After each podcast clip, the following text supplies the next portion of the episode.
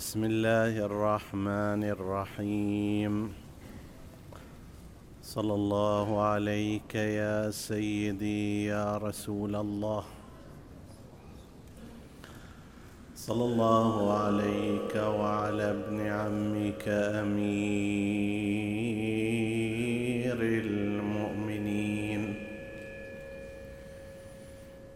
وعلى أهل بيتك الطيبين الطاهرين. صلى الله عليك يا سيدي ويا مولاي يا أبا عبد الله الحسين. ما خاب من تمسك بكم وأمن من لجأ إليكم. يا ليتنا كنا معكم فنفوز فوزا عظيما. كيف تهنيني الحياة وقلبي بعد قتل الطفوف دام الجراح؟ بأبي من شروا لقاء حسين بفراق النفوس والأرواح. وقفوا يدرؤون سمر العوالي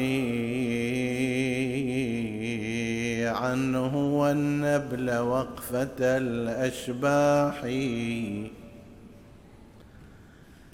فوقوه بيض الضباب النحور البيض والنبل بالوجوه الصباح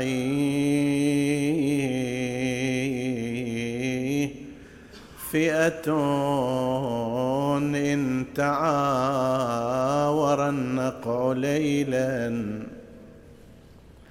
أطلعوا في سماه شهب الرماح.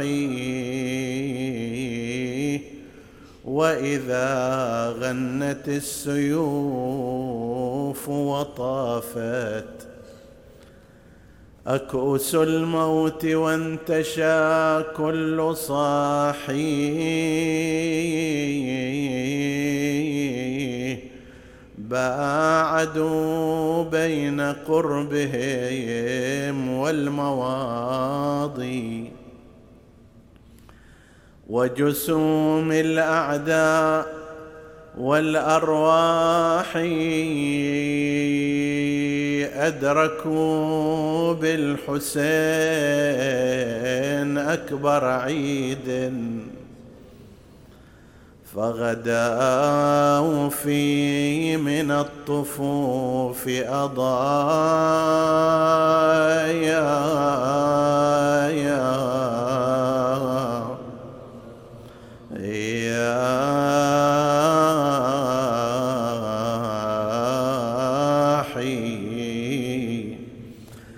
لست أنسى من بعدهم طود عز وأعاديه مثل سيل البطايا.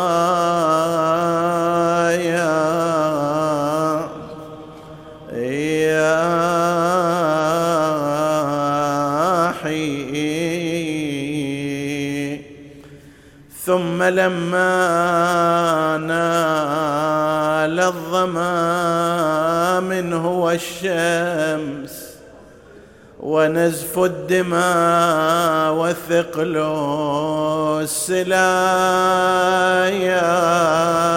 يا يا حي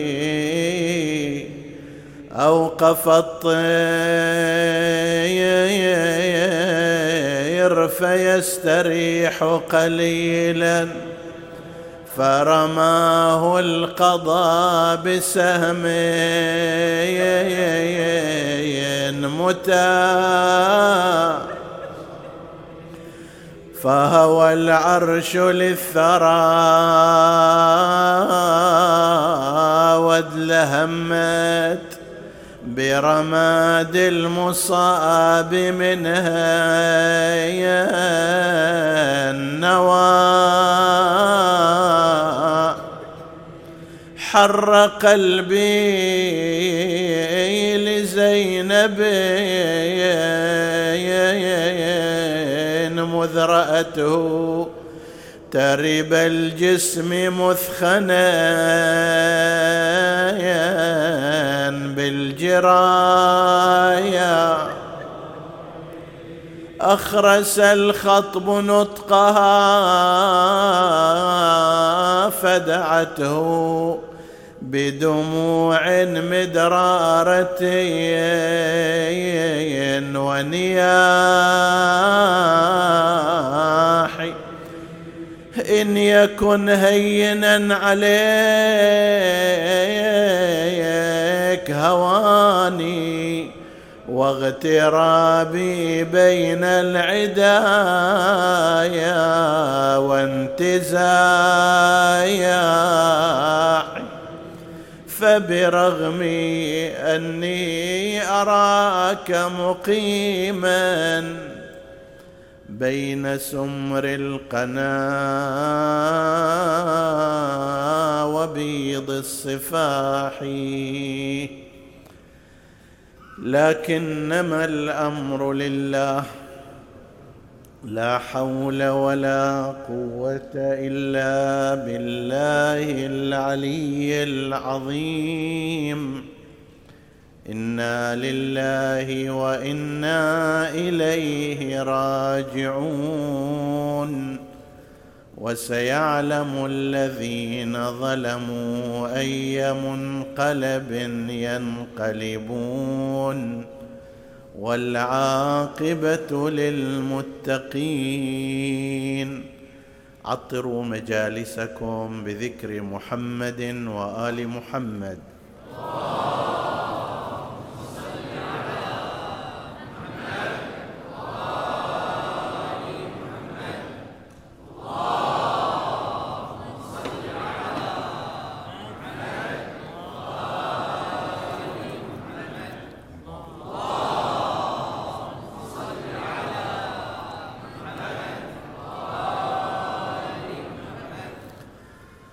في عن عمر بن حنظلة قال سألت الإمام الصادق عليه السلام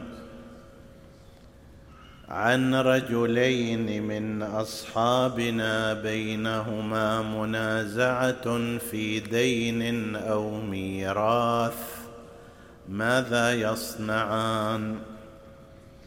فقال ينظران إلى رجل منا إلى رجل إلى من كان منكم قد روى حديثنا ونظر في حلالنا وحرامنا وعرف أحكامنا فليرضوا به حكما فإني قد جعلته حاكما فإذا حكم بحكمنا فلم يقبلا منه فإنما بحكم الله استخف وعلينا رد والراد عليهم راد علينا والراد علينا راد على الله.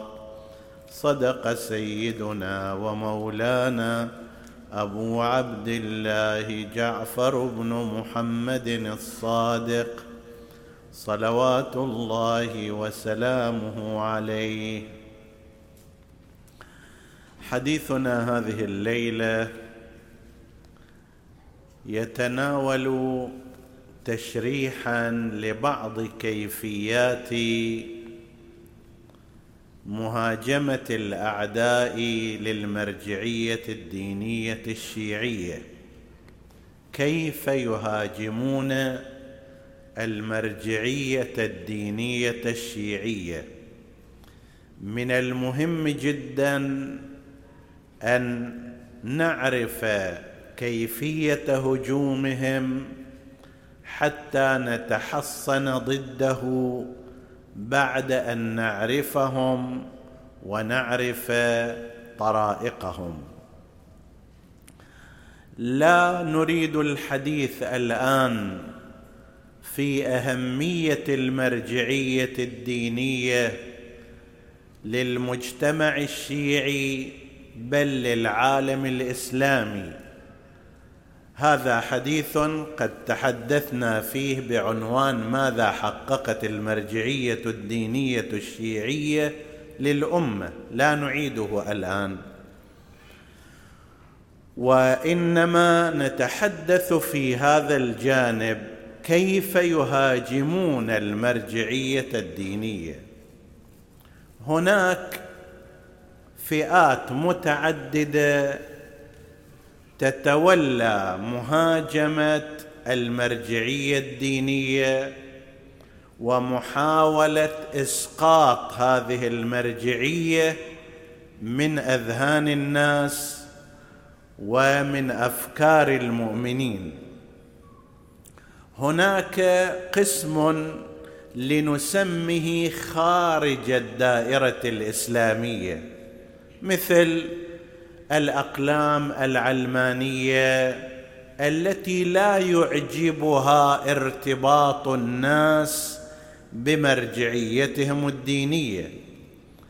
هناك أقلام هناك فئات ترى أن ارتباط الناس بالمرجعية الدينية في أخذهم الحلال والحرام والأحكام والتوجهات هذا يفسد عليهم مخططاتهم نظرا لأنه عندما يقترحون امرا يقررون شيئا سيطرحونه على الناس الناس عادة يسألون من مراجعهم هل هذا جائز أو غير جائز واوضح مثال على ذلك بعض أحكام الأحوال الشخصية في قسم من بلاد المسلمين التي لا تتوافق مع الشريعة. المؤمنون المسلمون يسألون من مرجعياتهم الدينية هل هذا جائز أو لا؟ يفتون كلا. فهذا بالنسبة إلى هذه الأقلام خارج الدائرة الإسلامية لا يعجبها هذا الأمر. لذلك تتولى أمر مهاجمة المرجعية الدينية. هذه مرجعية متخلفة هذه تعيش في القرون الوسطى هذه تعيق التقدم إلى غير ذلك. هذه فئة. الآن حديثنا ليس مع هذه الفئة. هناك فئة أخرى في الداخل الإسلامي ولكن خارج التشيع مثل قسم من الطائفيين الذين لا يرتاحون إلى تعلق شيعة أهل البيت عليهم السلام بمراجع الدين. باعتبار أن تعلقهم بمراجع الدين سيجعل هؤلاء الناس عند كل نازلة عند كل شبهة عقائدية عند كل مسألة فقهية سيرجعون إلى هذا المنبع ومراجع الدين لديهم الإجابات الواضحة والمبرهنة على الشبهات وعلى الإشكالات هؤلاء الطائفيون لا يعجبهم هكذا يريدون أن الباب مفتوح وبإمكانهم أن يذكروا شبهاتهم وإشكالاتهم من غير أن يوجد من يردها. إذا كان هناك مرجعية دينية يلجأ إليها الناس في الأزمات والمشاكل هذا يخرب عليهم شغلهم. فهذا قسم خل نسميهم الطائفيون المتعصبون من غير المذهب الشيعي لأن قسم من المسلمين يتفهمون أمر ارتباط الشيعة بمرجعياتهم الدينية يجدون هذا امرا عاديا وطبيعيا رجوع الإنسان إلى الأعلم إلى العارف بتخصصات الفقه والعقائد حتى لو يقول هذا غلط بس يقبل به. لكن الفئة الطائفية لا تقبل هذا الأمر ولا ترتضيه. هذا أيضا حديثنا الآن مو معها ربما يصير أوقات أخرى نتحدث فيه. حديثنا هو في الداخل الشيعي عندما يكون هناك من أبناء الشيعة بحسب التصنيف المذهبي ممن يظهرون الولاية لأهل البيت عليهم السلام ممن يقولون قال الصادق وقال الباقر وقال أمير المؤمنين ويحتفلون بالغدير وبالمولد ويحزنون في أيام محرم الحرام وما شابه ذلك. هؤلاء قسم من هؤلاء ممن يتهجم على المرجعية الدينية الشيعية بل يحاول إسقاطها. الشيعة العاديون المؤمنون المخلصون لا يمكن أن يتصوروا أنهم يسعون في إسقاط المرجعية الدينية لأنهم يعرفون فائدتها ومعناها ويجدون أن الرجوع إليها وتقليد المرجعية يجدونه حكما عقليا يلزمهم به العقل وتؤكده الآيات والروايات مثل فاسألوا أهل الذكر إن كنتم لا تعلمون ومثل فللعوام أن يقلدوه وأمثال ذلك ومنها الحديث الذي ذكرناه في أول الأمر ولكن ينظران إلى من كان منكم قد روى حديثنا ونظر في حلالنا وحرامنا فليرضوا به حكما فإني قد جعلته عليهم حاكما. فإذا لم يقبلا بحكمه فإنما بحكم الله استخف وعلي وعلينا رد والراد علينا راد على الله. المؤمن الشيعي الموالي لأهل البيت ضمن منهج طبيعي وصحيح واستقامة سليقة يجد أنه ما لم يكن هو مجتهدا. فيجب أن يكون راجعا إلى المجتهد وإلى الفقيه وإلا ضاع في الأحكام وضاعت منه الأحكام. لكن كما هو الحال في أي فئة من الناس وقد ذكرنا في ليلة مضت إشارة إلى ذلك الخط العام هو خط الاستقامة خط الأصحاء بس قد تجد هناك مرضى البدن. الخط العام من الممكن أن يكون خط التمسك بالأخلاق ولكن قد تجد فئة من الناس بخلاء وضعفاء وقساة وما شابه ذلك. والخط العام قد تجد مثلا الإتيان للشهوة بالطريق الصحيح المستقيم ولكن قد تجد اناسا في هذه الأثناء ينحرفون بهذه الشهوة وهذا ذكرناه في ليلة مضت.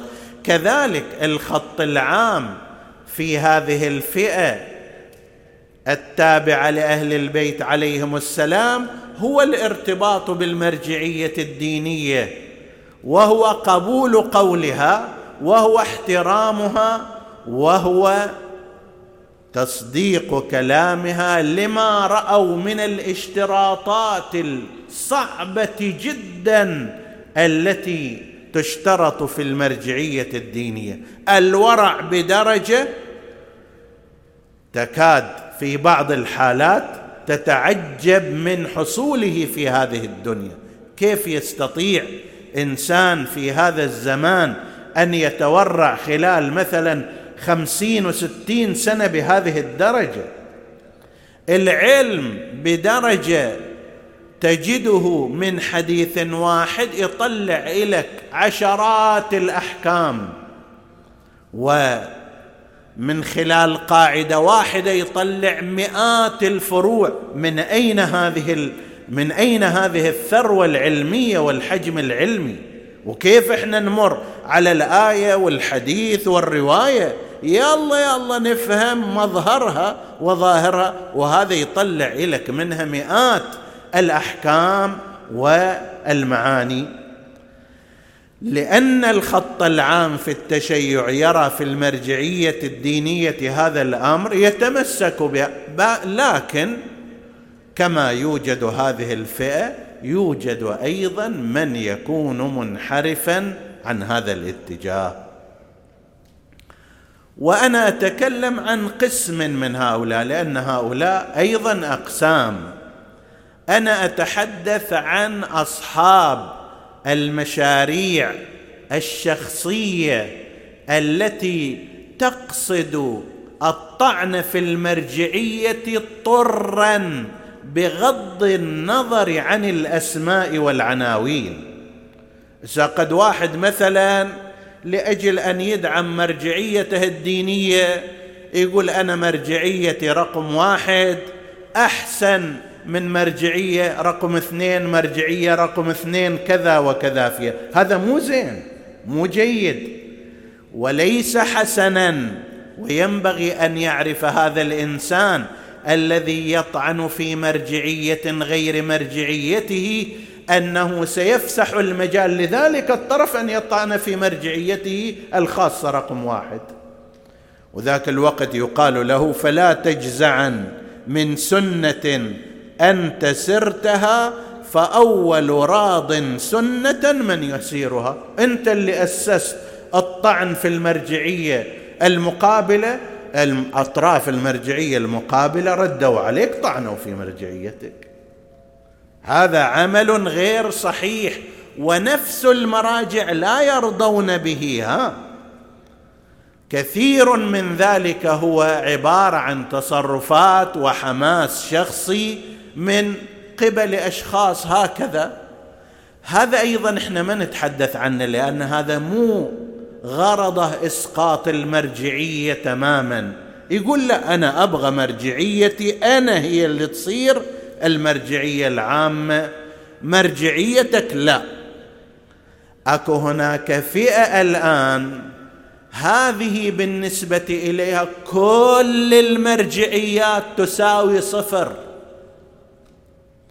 في رأيها ينبغي أن تسقط هذه النماذج بأجمعها. وياخذوهم بالسرى اليوم يطعنون في رقم واحد. خلصوا؟ بكرة في رقم اثنين. اللي بعده في رقم ثلاثة وعلى هذا المعدل. حديثنا في هذا الموضوع. وهذا في الغالب في الغالب هي مشاريع شخصية قد يستفيد منها الأعداء. مشروع شخصي يعني شنو؟ يعني أنا مثلا فلان المتكلم على المنبر شخص مجهول ما أحد يعرفني ما عندي علم ما حد ملتف حولي أنا إنسان أبغى رئاسة أبغى قيادة أبغى الناس يركضون وراي. ما حصل هذا؟ اسمي غير معروف علمي غير معروف. ماذا أصنع؟ أجي أشوف أعلى قمة منه أقوم أسبه أقوم أشتمه أقوم ألعنه أجيب افتراءات عليه. ما الذي سيحصل بعد ذلك؟ انت اللي تقلد هاي المرجعية العليا. رقم واحد راح تتأذى تتحمس بالواتساب. مجموعة عندك ما أدري كم مئة من الأشخاص تشي تسوي مشاركة. شوفوا ماذا يقول هذا. ليش ما تردوا عليه؟ ليش ما تتكلموا؟ ليش ما أدري تفندوا هالاتهامات؟ وكل واحد من وراك أيضا يسوي نفس الشيء. هو الشخص المجهول هو الشخص الما معروف اسمه. الآن صاروا الناس شنو؟ يعرفونه. صار هذا يدز كلامه وذاك يدز كلامه وهذا يرد عليه وهذا يناقشه. وهو مكيف هو لو أنه أغفل وترك لقتل في ساعته لمات في ساعته. هو يريد اسمه يطلع. هو يريد ينتشر هنا وهناك هو يريد أن يعرف. فلو أن الناس تجاهلوه ولم يتناقلوا كلامه لقتل كمدا في ساعته. لكن أنا لحماسي على مرجعيتي أقول يا أيها العلماء يا أيها المشايخ يا أيها الخطباء لماذا لا تردون على هذا؟ لماذا لا تتكلمون؟ لماذا لا تكتبون؟ وانت تقول هذا يقول ذاك يقول وكل ما كانت الدائرة اتسعت هو هم يكيف لأنه انتشر اسمه وارتفع علمه الباطل. هذا القسم ما يكتفي افترض المرجعية رقم واحد ألف اليوم تحكى ضدها وإلى آخره. أطرافها المرجعية حاولوا يردون عليه تناقلوا كلامه راحوا منا جو منك إلى يوم ثاني يبدأ في المرجعية رقم اثنين وثلاثة وأربعة والناس هالشكل تركض وراه كل ما هو يسب ينقلون كلامه هنا وهناك. هذا المشروع الشخصي الطالب للرئاسة الطالب للشهرة الطالب للدعم المادي الذي يستقطب المنخنقة والموقوذة والنطيحة وما أكل السبع كما في القرآن الكريم وين ماكو واحد متمرد على الحكم الشرعي وعنده إحنا وبغضاء مع المرجعية الدينية يقول أوه هذا اللي كنا نبغاه. حتى يكسرهم واحد ورا الثاني. ما نريد هؤلاء أصلا. نحن نريد شيئا آخر. شنو هذا الشيء الآخر؟ ما معلوم. طبعا هو يعلم. هو الفاعل هذا الأمر والمروج يعلم وهو ذاته. أنا مكان هذول كلهم. اسمعوا كلامي. أنا عندي رأي في القرآن كذا عندي رأي في الحديث كذا عندي رأي في فلان في العقائد كذا ويعطي الناس هم أقصى ما يريدون. زين؟ وهذه من الخدع. ويش اللي يداعب مشاعر الناس أكثر؟ الشهادة الثالثة؟ شهادة أشهد أن عليا ولي الله. يقول لك شوف هذولين المراجع المتخلفين هذول اللي ما عندهم إيمان حقيقي. هذول اللي مو شيعة أصلا. ما يقولوا علي بن أشهد أن علي بن أبي طالب واجب في الأذان. أنا أقول واجب. أنت راح تقول شنو؟ قول ما شاء الله. هذا شيعي بنمرة واستمارة. لكن ذاك المرجع مالنا لا. شوية مقصر في حق علي بن أبي طالب. يا الولايه التكوينيه عند أئمة أهل البيت عليهم السلام. الولاية التكوينية من ضمن العقائد قسم من العلماء يعتقدون بها تماما قسم من العلماء يعتقدون بها بصورة معينة. هذا يجي يقول لا الولاية التكوينية يعني عند الإمام فورا وفعلا وفي نفس اللحظة وفي كل الأوقات يتصرف كما يتصرف الله عز وجل في كل وقت. زين؟ انت راح تقول ما شاء الله إيش هذا الكلام الممتاز؟ هذا ينتصر لأهل البيت. أما مراجعنا ما يقولون هذا الحكي. مراجعنا مقيدون بالأحكام الشرعية وبالروايات تماما والكلمة الواحدة يزنونها بميزان الذهب بالمليمتر وقياسات الكذا وبأوزان صغيرة. ما يمكن أن يقول حكاية لأن هذه الحكاية راح يعترض عليها آلاف من فضلاء الحوزات العلمية ويناقشوا فيها. وين الدليل على ذلك؟ ما يقدر يقول هالشكل ويمشي. زين. هذه الفئة من صفاتها اولا من الشيعة وحديثنا في هذه الجهة وغرضهم إسقاط المرجعيات الدينية ككل. المرجعية الدينية كجهاز قيادي ينتمي إليه شيعة أهل البيت في كل العالم.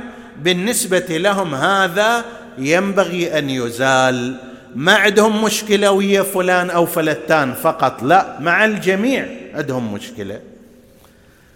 يقومون بأشياء مختلفة. واحد منها الآن كما سأشير إليه بعد الصلاة على محمد وآل محمد.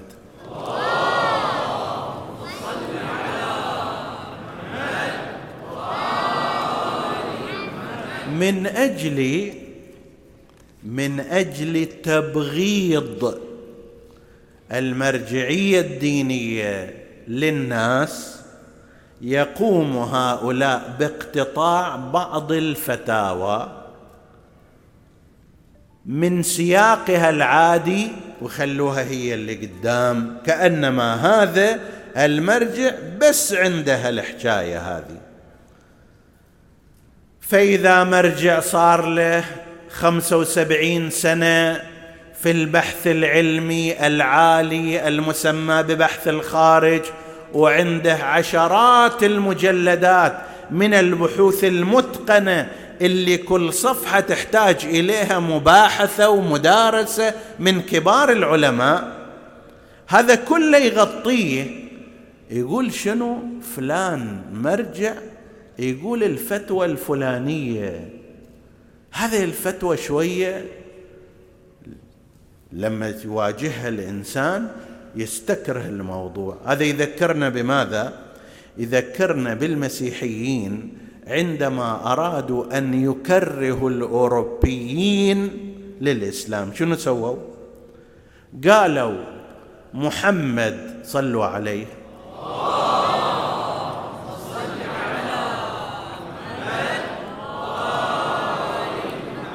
محمد نبي الإسلام كما يدعي جايب هذا الحكم وهو أنه إذا شاب ويا شابة صارت بينهم علاقة حب هذا يحفرون إليهم حفيرة ويرجمونهم بالأحجار لين يكسروا دماغهم.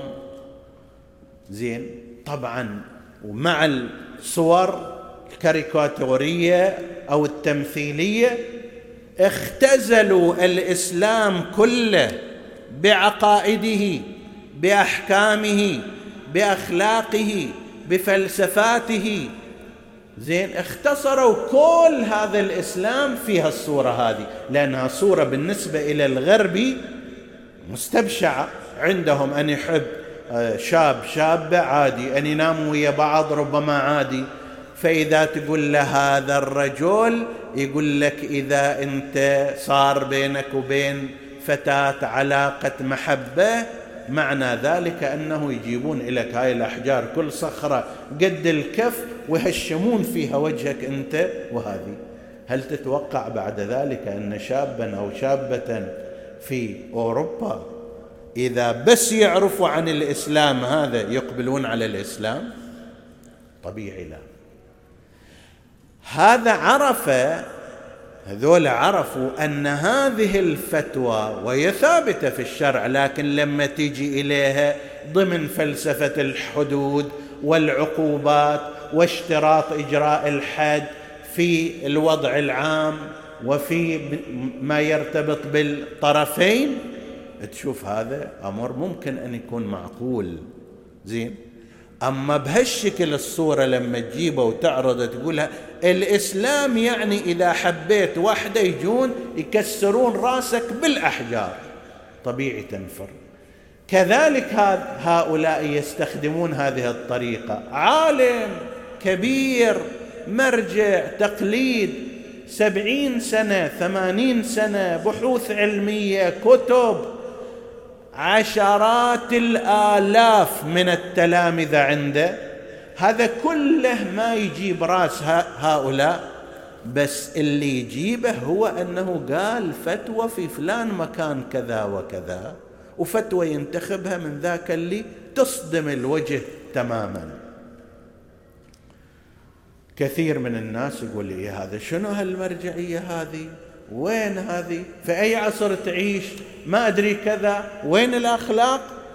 ويتصور أن هذه المرجعية الدينية بس هذا بس هذا الشيء عندها. ما عندها تراث سبعين وثمانين سنة من العلم والمعرفة والبحث والتدقيق والتحقيق.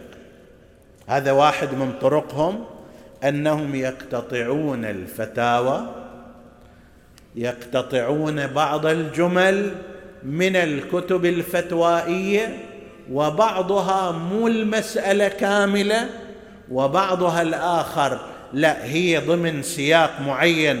إذا واحد يجي يقعد مع شخص عنده مستوى علمي ويشرح له الأدلة والمقدمات والبراهين تكون مقنعة هذه يقشرها عن كل هذه الأمور ويقدمها اليك على طريقة المسيحيين اللي يقولون ترى الإسلام بس هو إذا واحد حب وحده يجون يهشمون راسه بالصخر والحجر. هذا في الطريقة من طرقهم من طرق هؤلاء الذين يحاولون هدم المرجعية الدينية. واحد. اثنين. لا يتورع هؤلاء عن الكذب الواضح في الاتهام. ولا سيما فيما يرتبط بالأمور المثيرة للإنسان. اتهام في الأموال. هذول عندهم أموال المسلمين. تدري أموالك وين تروح؟ عند فلان مرجع وعند ولده وعند حفيده وعند ربعه وعند جماعته. زين يابا إحنا رأينا العلماء مو هالزمان قبل. رأينا بيوتهم رأينا ملابسهم رأينا حياتهم. هي دون المتوسط في الغالب يعني كثير من الطلبة العاديين وضعهم الحياتي أحسن بمرات من حياة مراجع التقليد. يقول لك لا ذولا مضمضمينها مخلينها في البنوك ومخلينها في الحسابات في الخارج. فيتهم اتهام. صابت صابت ما صابت ما خسران شيء هو إلا أنه خسر دينه. وهو هذا غاسلنها من البداية. يجي يتهم أحيانا في قضايا حقيقة يعني يتعجب الإنسان منها. قضايا الانحراف الجنسي. فلان مرجعية فيها كذا وكذا. فلان قريب المرجع الفلاني في كذا. كذب صريح. طبعا هذول عندهم ما حد يجي يسألهم وين أدلتك؟ وين براهينك؟ لو كان غير هذه المرجعية الدينية لو كان غيرها كان بعض هالكلمات مو كلها يسوي على هؤلاء دعوة ومحكمة يجرجرون سواء الأحكام الوضعية أو الأحكام الشرعية. كثير منها يوجب حدا شرعيا. لما تتهم إنسان عادي بالانحراف الجنسي أنت تكون قاذف والقذف له حد في الشرع.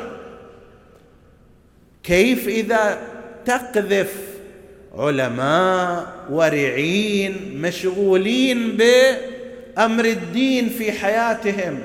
وين عاد؟ مو اتهام عادي. في الفضائيات في مواقع التواصل فيما أدري المواقع الإلكترونية. أنت لو تقول إلى إلى شخص آخر فلان عنده كذا وكذا صرت قاذف وإذا شهد عليك جيء بك به للتنفيذ الحكم الشرعي. كيف إذا تقذف زعماء الأمة ومراجع التقليد وقدوات الناس على رؤوس الأشهاد وعلى الفضاء العلني ما معلوم آلاف أكثر من ذلك يسمعون. طيب إذا ما سمعها إلا شخص وشخصان يقام عليك حد القذف. كيف بهذه الصورة؟ وهؤلاء لأنهم لا يملكون أدلة. يقول أنا عندي أدلة ولكن الآن ما أريد أطلعها. يكذب. لا الآن ولا قبل الآن ولا بعد الآن. لأنه من كان يخلق ما يشاء فحيلتي فيه قليلة. إذا واحد هو يصطنع الكذب هو يصطنع الفرية. يقول هذا من مصادر موثوقة من نفس أصحاب المشكلة إجوا إلى هؤلاء وقالوا لهم كله كذب وافتراء وبهتان.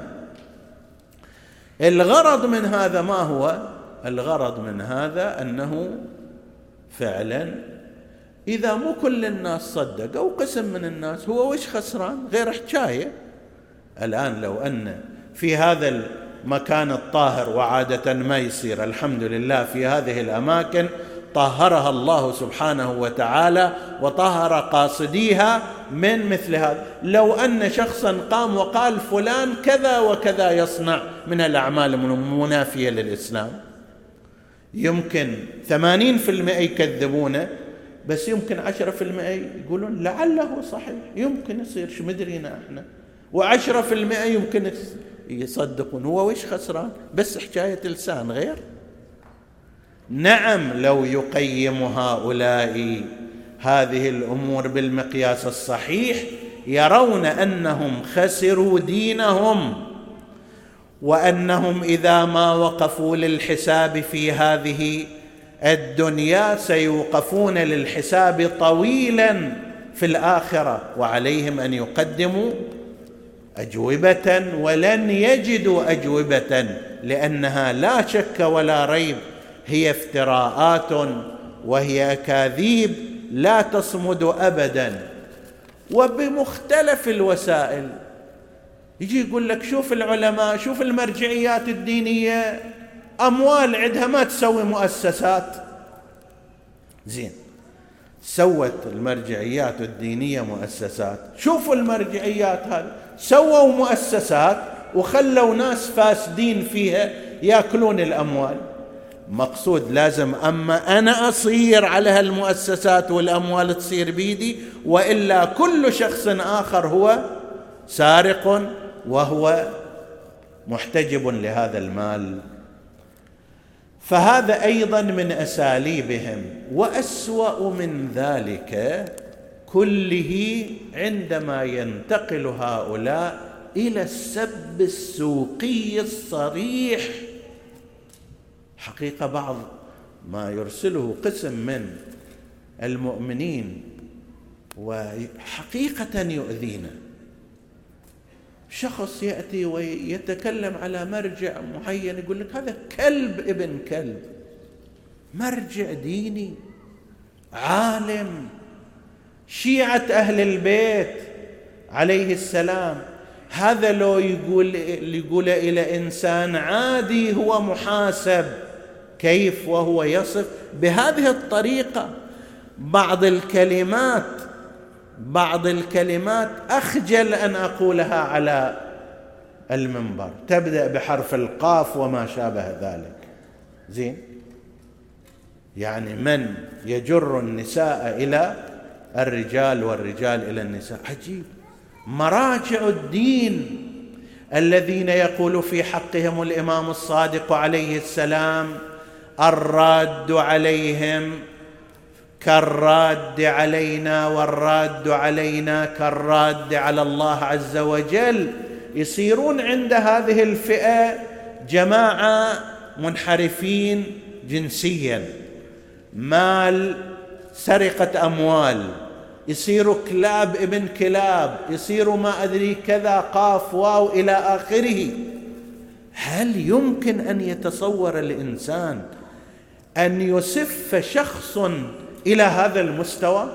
هذا الأمر اللي ما تركها السيد الحكيم رحمة الله عليه مرجع الديني سيد, طب... سيد محمد سعيد الطباطبائي الحكيم رحمة الله عليه. هذا رجل عمره خمسة وثمانين سنة. على الأقل منها على الأقل منها خمسة وأربعين خمسة وخمسين سنة هو يباحث الفقه العالي بحث الخارج. وقد اضطهد فاعتقل أيام صدام لعنة الله عليه مدة ثمان سنوات. هو مع أولاده مع أقاربه وكاد يصل الأمر إلى قتلهم كما قتل أقاربهم. وأذيق من صنوف التعذيب.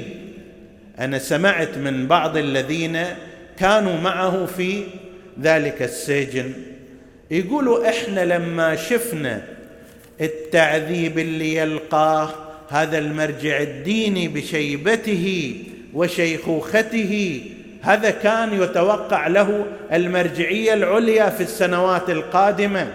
طيب ورجل هو من أعاظم المجتهدين. يقول لما كنا نشوف التعذيب اللي كان يصير فيه ولا يتألم وإنما يقول لا حول ولا قوة إلا بالله. تعذيب من ذاك النوع الشديد خجلنا من أنفسنا أننا إذا عذبنا نتألم. نصرنا نخجل من الرجال شيبة كبير في السن عندما اعتقل فوق الستين عمره.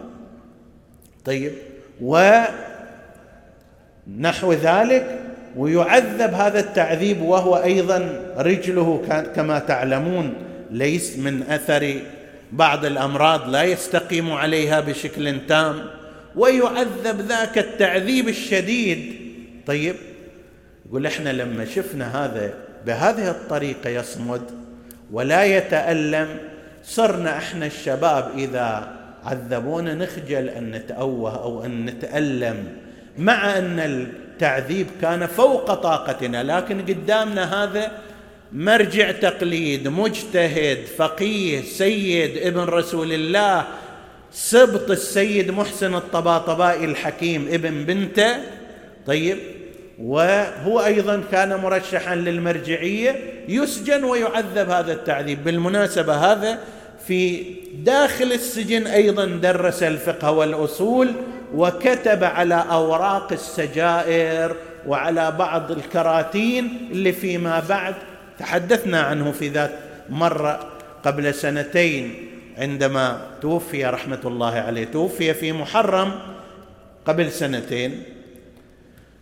هذا لما يجي يقول أنا جابوا إلي وسمعت الكلام الذي يتكلم فيه بعضهم على المرجعية الدينية ويتشكى.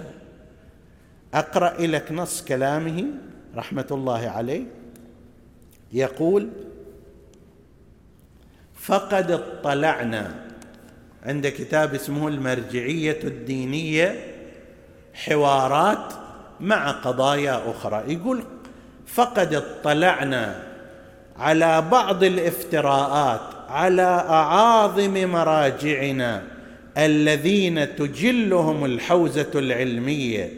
لا يقوم بها من له أدنى مسكة من الكرامة فضلا عن الدين. أفرض دين ما عندك ما عندك كرامة تمنعك من أن تكذب. هذا الكذب الصريح؟ قال لهم الإمام الحسين إن لم يكن لكم دين وكنتم لا تخافون المعاد فكونوا أحرارا في دنياكم. صير إنسان. خلي عندك كرامة خلي عندك إنسانية. ليه يصير عندك إسفاف إلى هالمستوى حتى لو ما عندك دين. من ليس له أدنى مسك من الكرامة فضلا عن الدين. والسيد الحكيم يعرف هذا يقول وليس المراد بها إلا زعزعة الثقة بخط المرجعية العام. هذه مو ضد فلان وضد فلتان. لا كل المرجعية هذه الفئة تريد أن تكنسها. التي هي يعني المرجعية التي هي فخر هذه الطائفة ووسام الشرف في جبينها وطريقها الموصل لها إلى الله تعالى وبه تكامل شخصيتها وفاعليتها. ثم يتشكى يقول فبعين الله. فبعين الله تعالى ما لقيه ويلقاه علماؤنا الأبرار نتيجة ثباتهم على مبادئهم. الإمام الحسين يقول بعين الله ما يصل إلينا هون علي ما نزل بي أنه بعين الله. يقول بعين الله هذا كله مو يوم مو جديد من القديم. ما لقيه ويلقاه مراجعنا وعلماؤنا الأبرار نتيجة ثباتهم على مبادئهم وصلابتهم في مواقفهم واستقامتهم في مسيرتهم ورفضهم التعاون والتنسيق مع قوى الشر والطغيان. كأن في إشارة إلى أن هناك من يدعم هذه الاتجاهات المهاجمة للمرجعية الدينية من قوى الشر والطغيان. قد لا يكون بالمعنى الذي قد يتبادر إلى الذهن أن مثلا الاستعمار يجي إلى واحد يقول له خذ فلوس وتكلم على فلان وفلتان. وإنما قد لا يكون هكذا وإنما شو اللي يصير؟ اللي يصير أن القوى قوى الشر والطغيان عندما ترى شخصا قد بدأ مشروعا شخصيا ينفعها. يهاجم المرجعية الدينية وهذا ينفعها. يبدأون بدعمه ما يودون إلى الشكل يرسلون إلى واحد في الظاهر من المؤمنين يقول له ما شاء الله هذا التوجه مالك هو الأحسن. هذا اللي كنا إحنا ننتظره تفضل هذه مساعدة أو حتى حقوق شرعية. هاخذ هذه الحقوق الشرعية بس امشي في نفس مشوارك.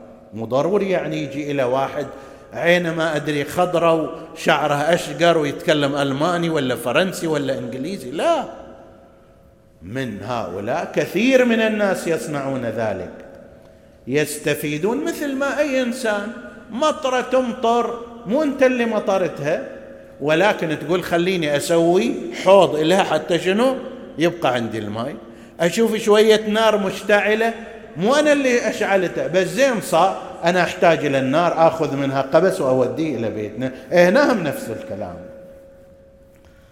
فبعين الله ما يلقى ما لقي ويلقى وسيلقى علماؤنا الأبرار.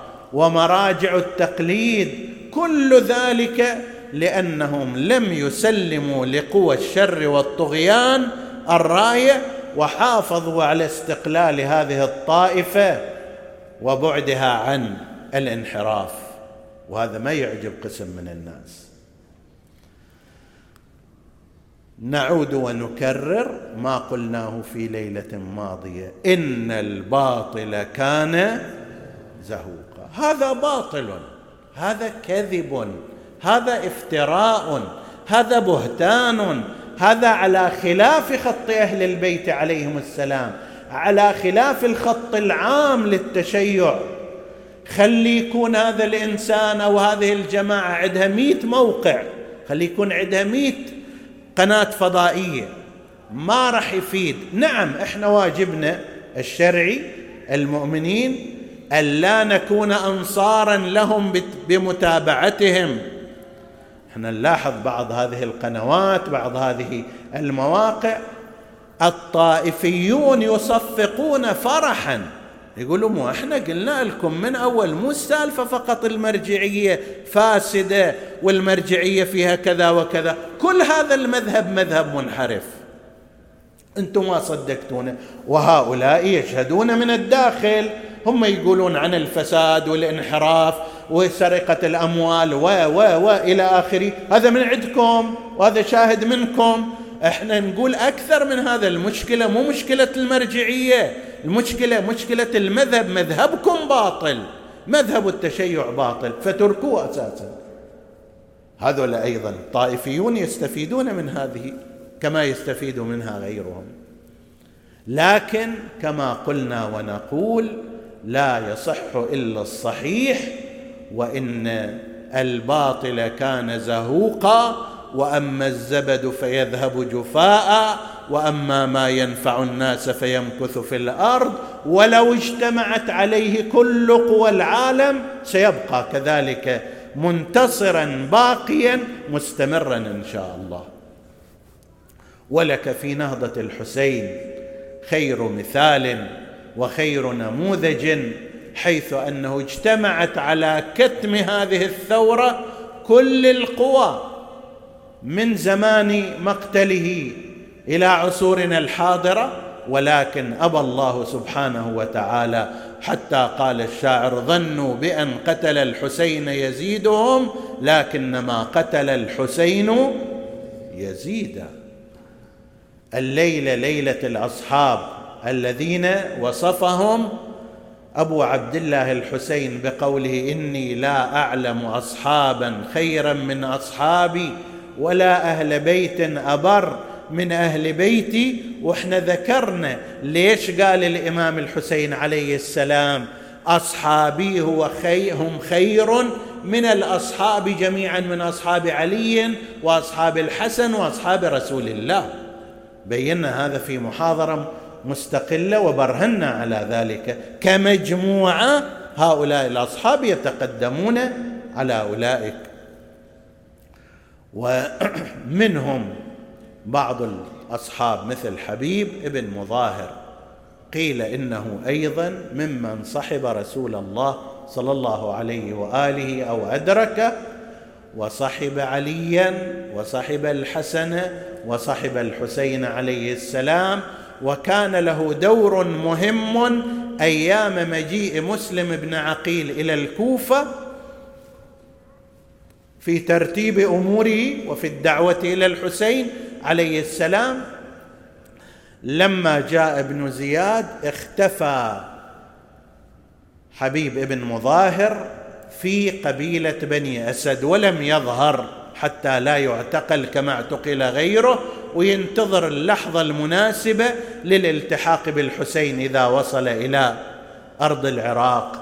ومرت الأيام وبالفعل في يوم من الأيام يأتي رسول كما ذكرت بعض الكتب هذا إلى منزله ويطرق الباب عليه. حبيبي من جهة يترقب ومن جهة يتوجس. ليكون هذا واحد جاي من الطرف بني أمية فيجري الحديث خافتا معه.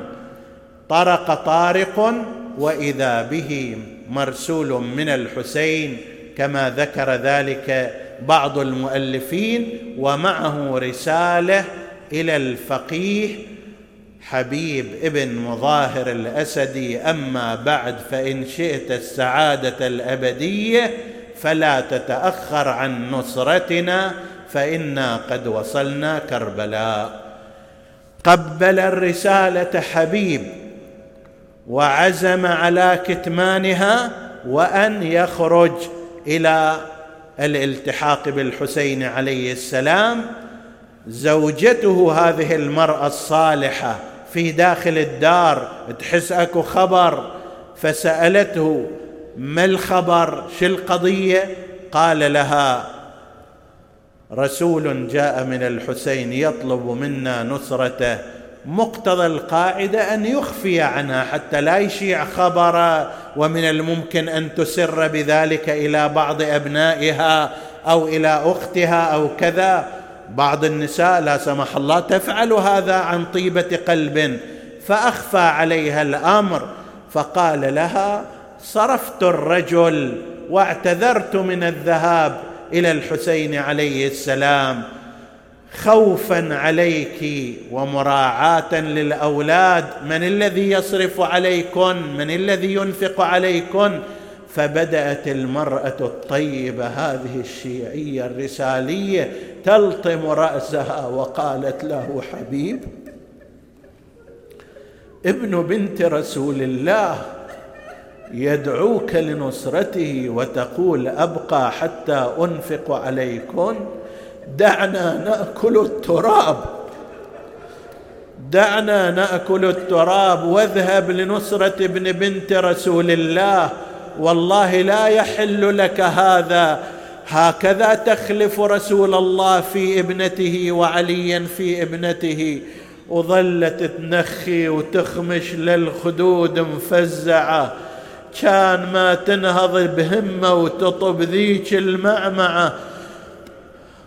جيب العمامة يا ابن عمي وخذ هالمقنعة. وظل حبيبي عاين لها غصب هالدمعة قال ما يحتاجها النخوات بطل من الوني.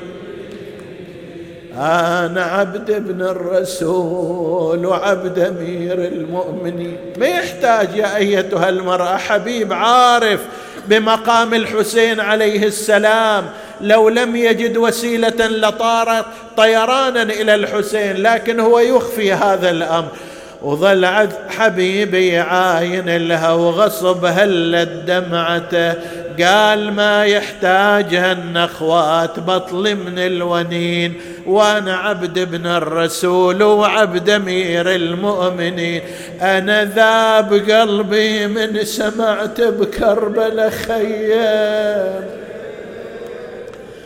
خيم حسين واسمع يقولون جيمان الأعادي حاطته. انطلق إلى كربلاء وما حلا ذيك الشمايل. يوم وصل كربلاء قام أبو فاضل إلى بولاد اخو يستقبل.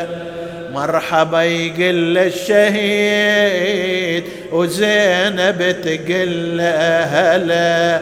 وصل مستبشر لابو سكنه وتسلم رايته. جاه من زينب سلام ومدمع بالحال سال. جاء إلى زينب نادى السلام عليك يا بنت رسول الله. السلام عليك يا بنت أمير المؤمنين. ثم أخذ يتمتم بينه وبين نفسه آه آه لوجدك يا زينب. يوم تحملين على بعير ضالع ورأس أخيك أمامك ردت عليه السلام. صاحت من هذا؟ قال حبيب قالت حبيب الله الله في نصرة هذا الغريب. قال لأنعمنك عينا وما قصر حبيب يوم العاشر. برز إلى القوم وقاتلهم قتال الأبطال وهو يقول أنا حبيب وأبي مظاهر.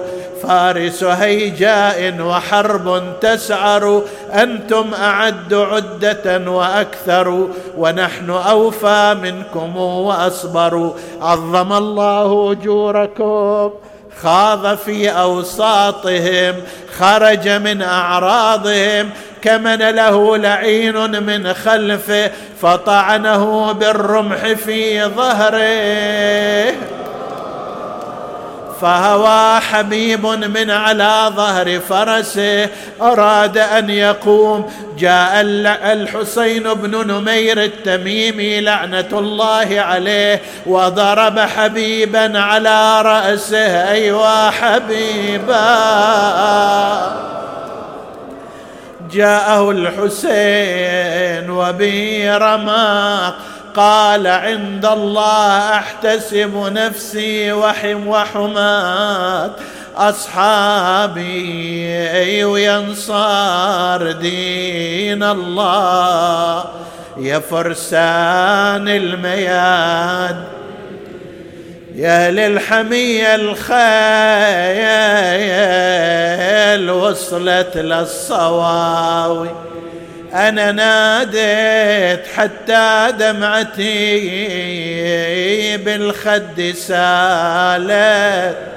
ظليت وحدي والعدا علي استدارت. أحباي لو غير الحمام أصابكم. عتبت ولكن ما على الموت معتبوا يا الله.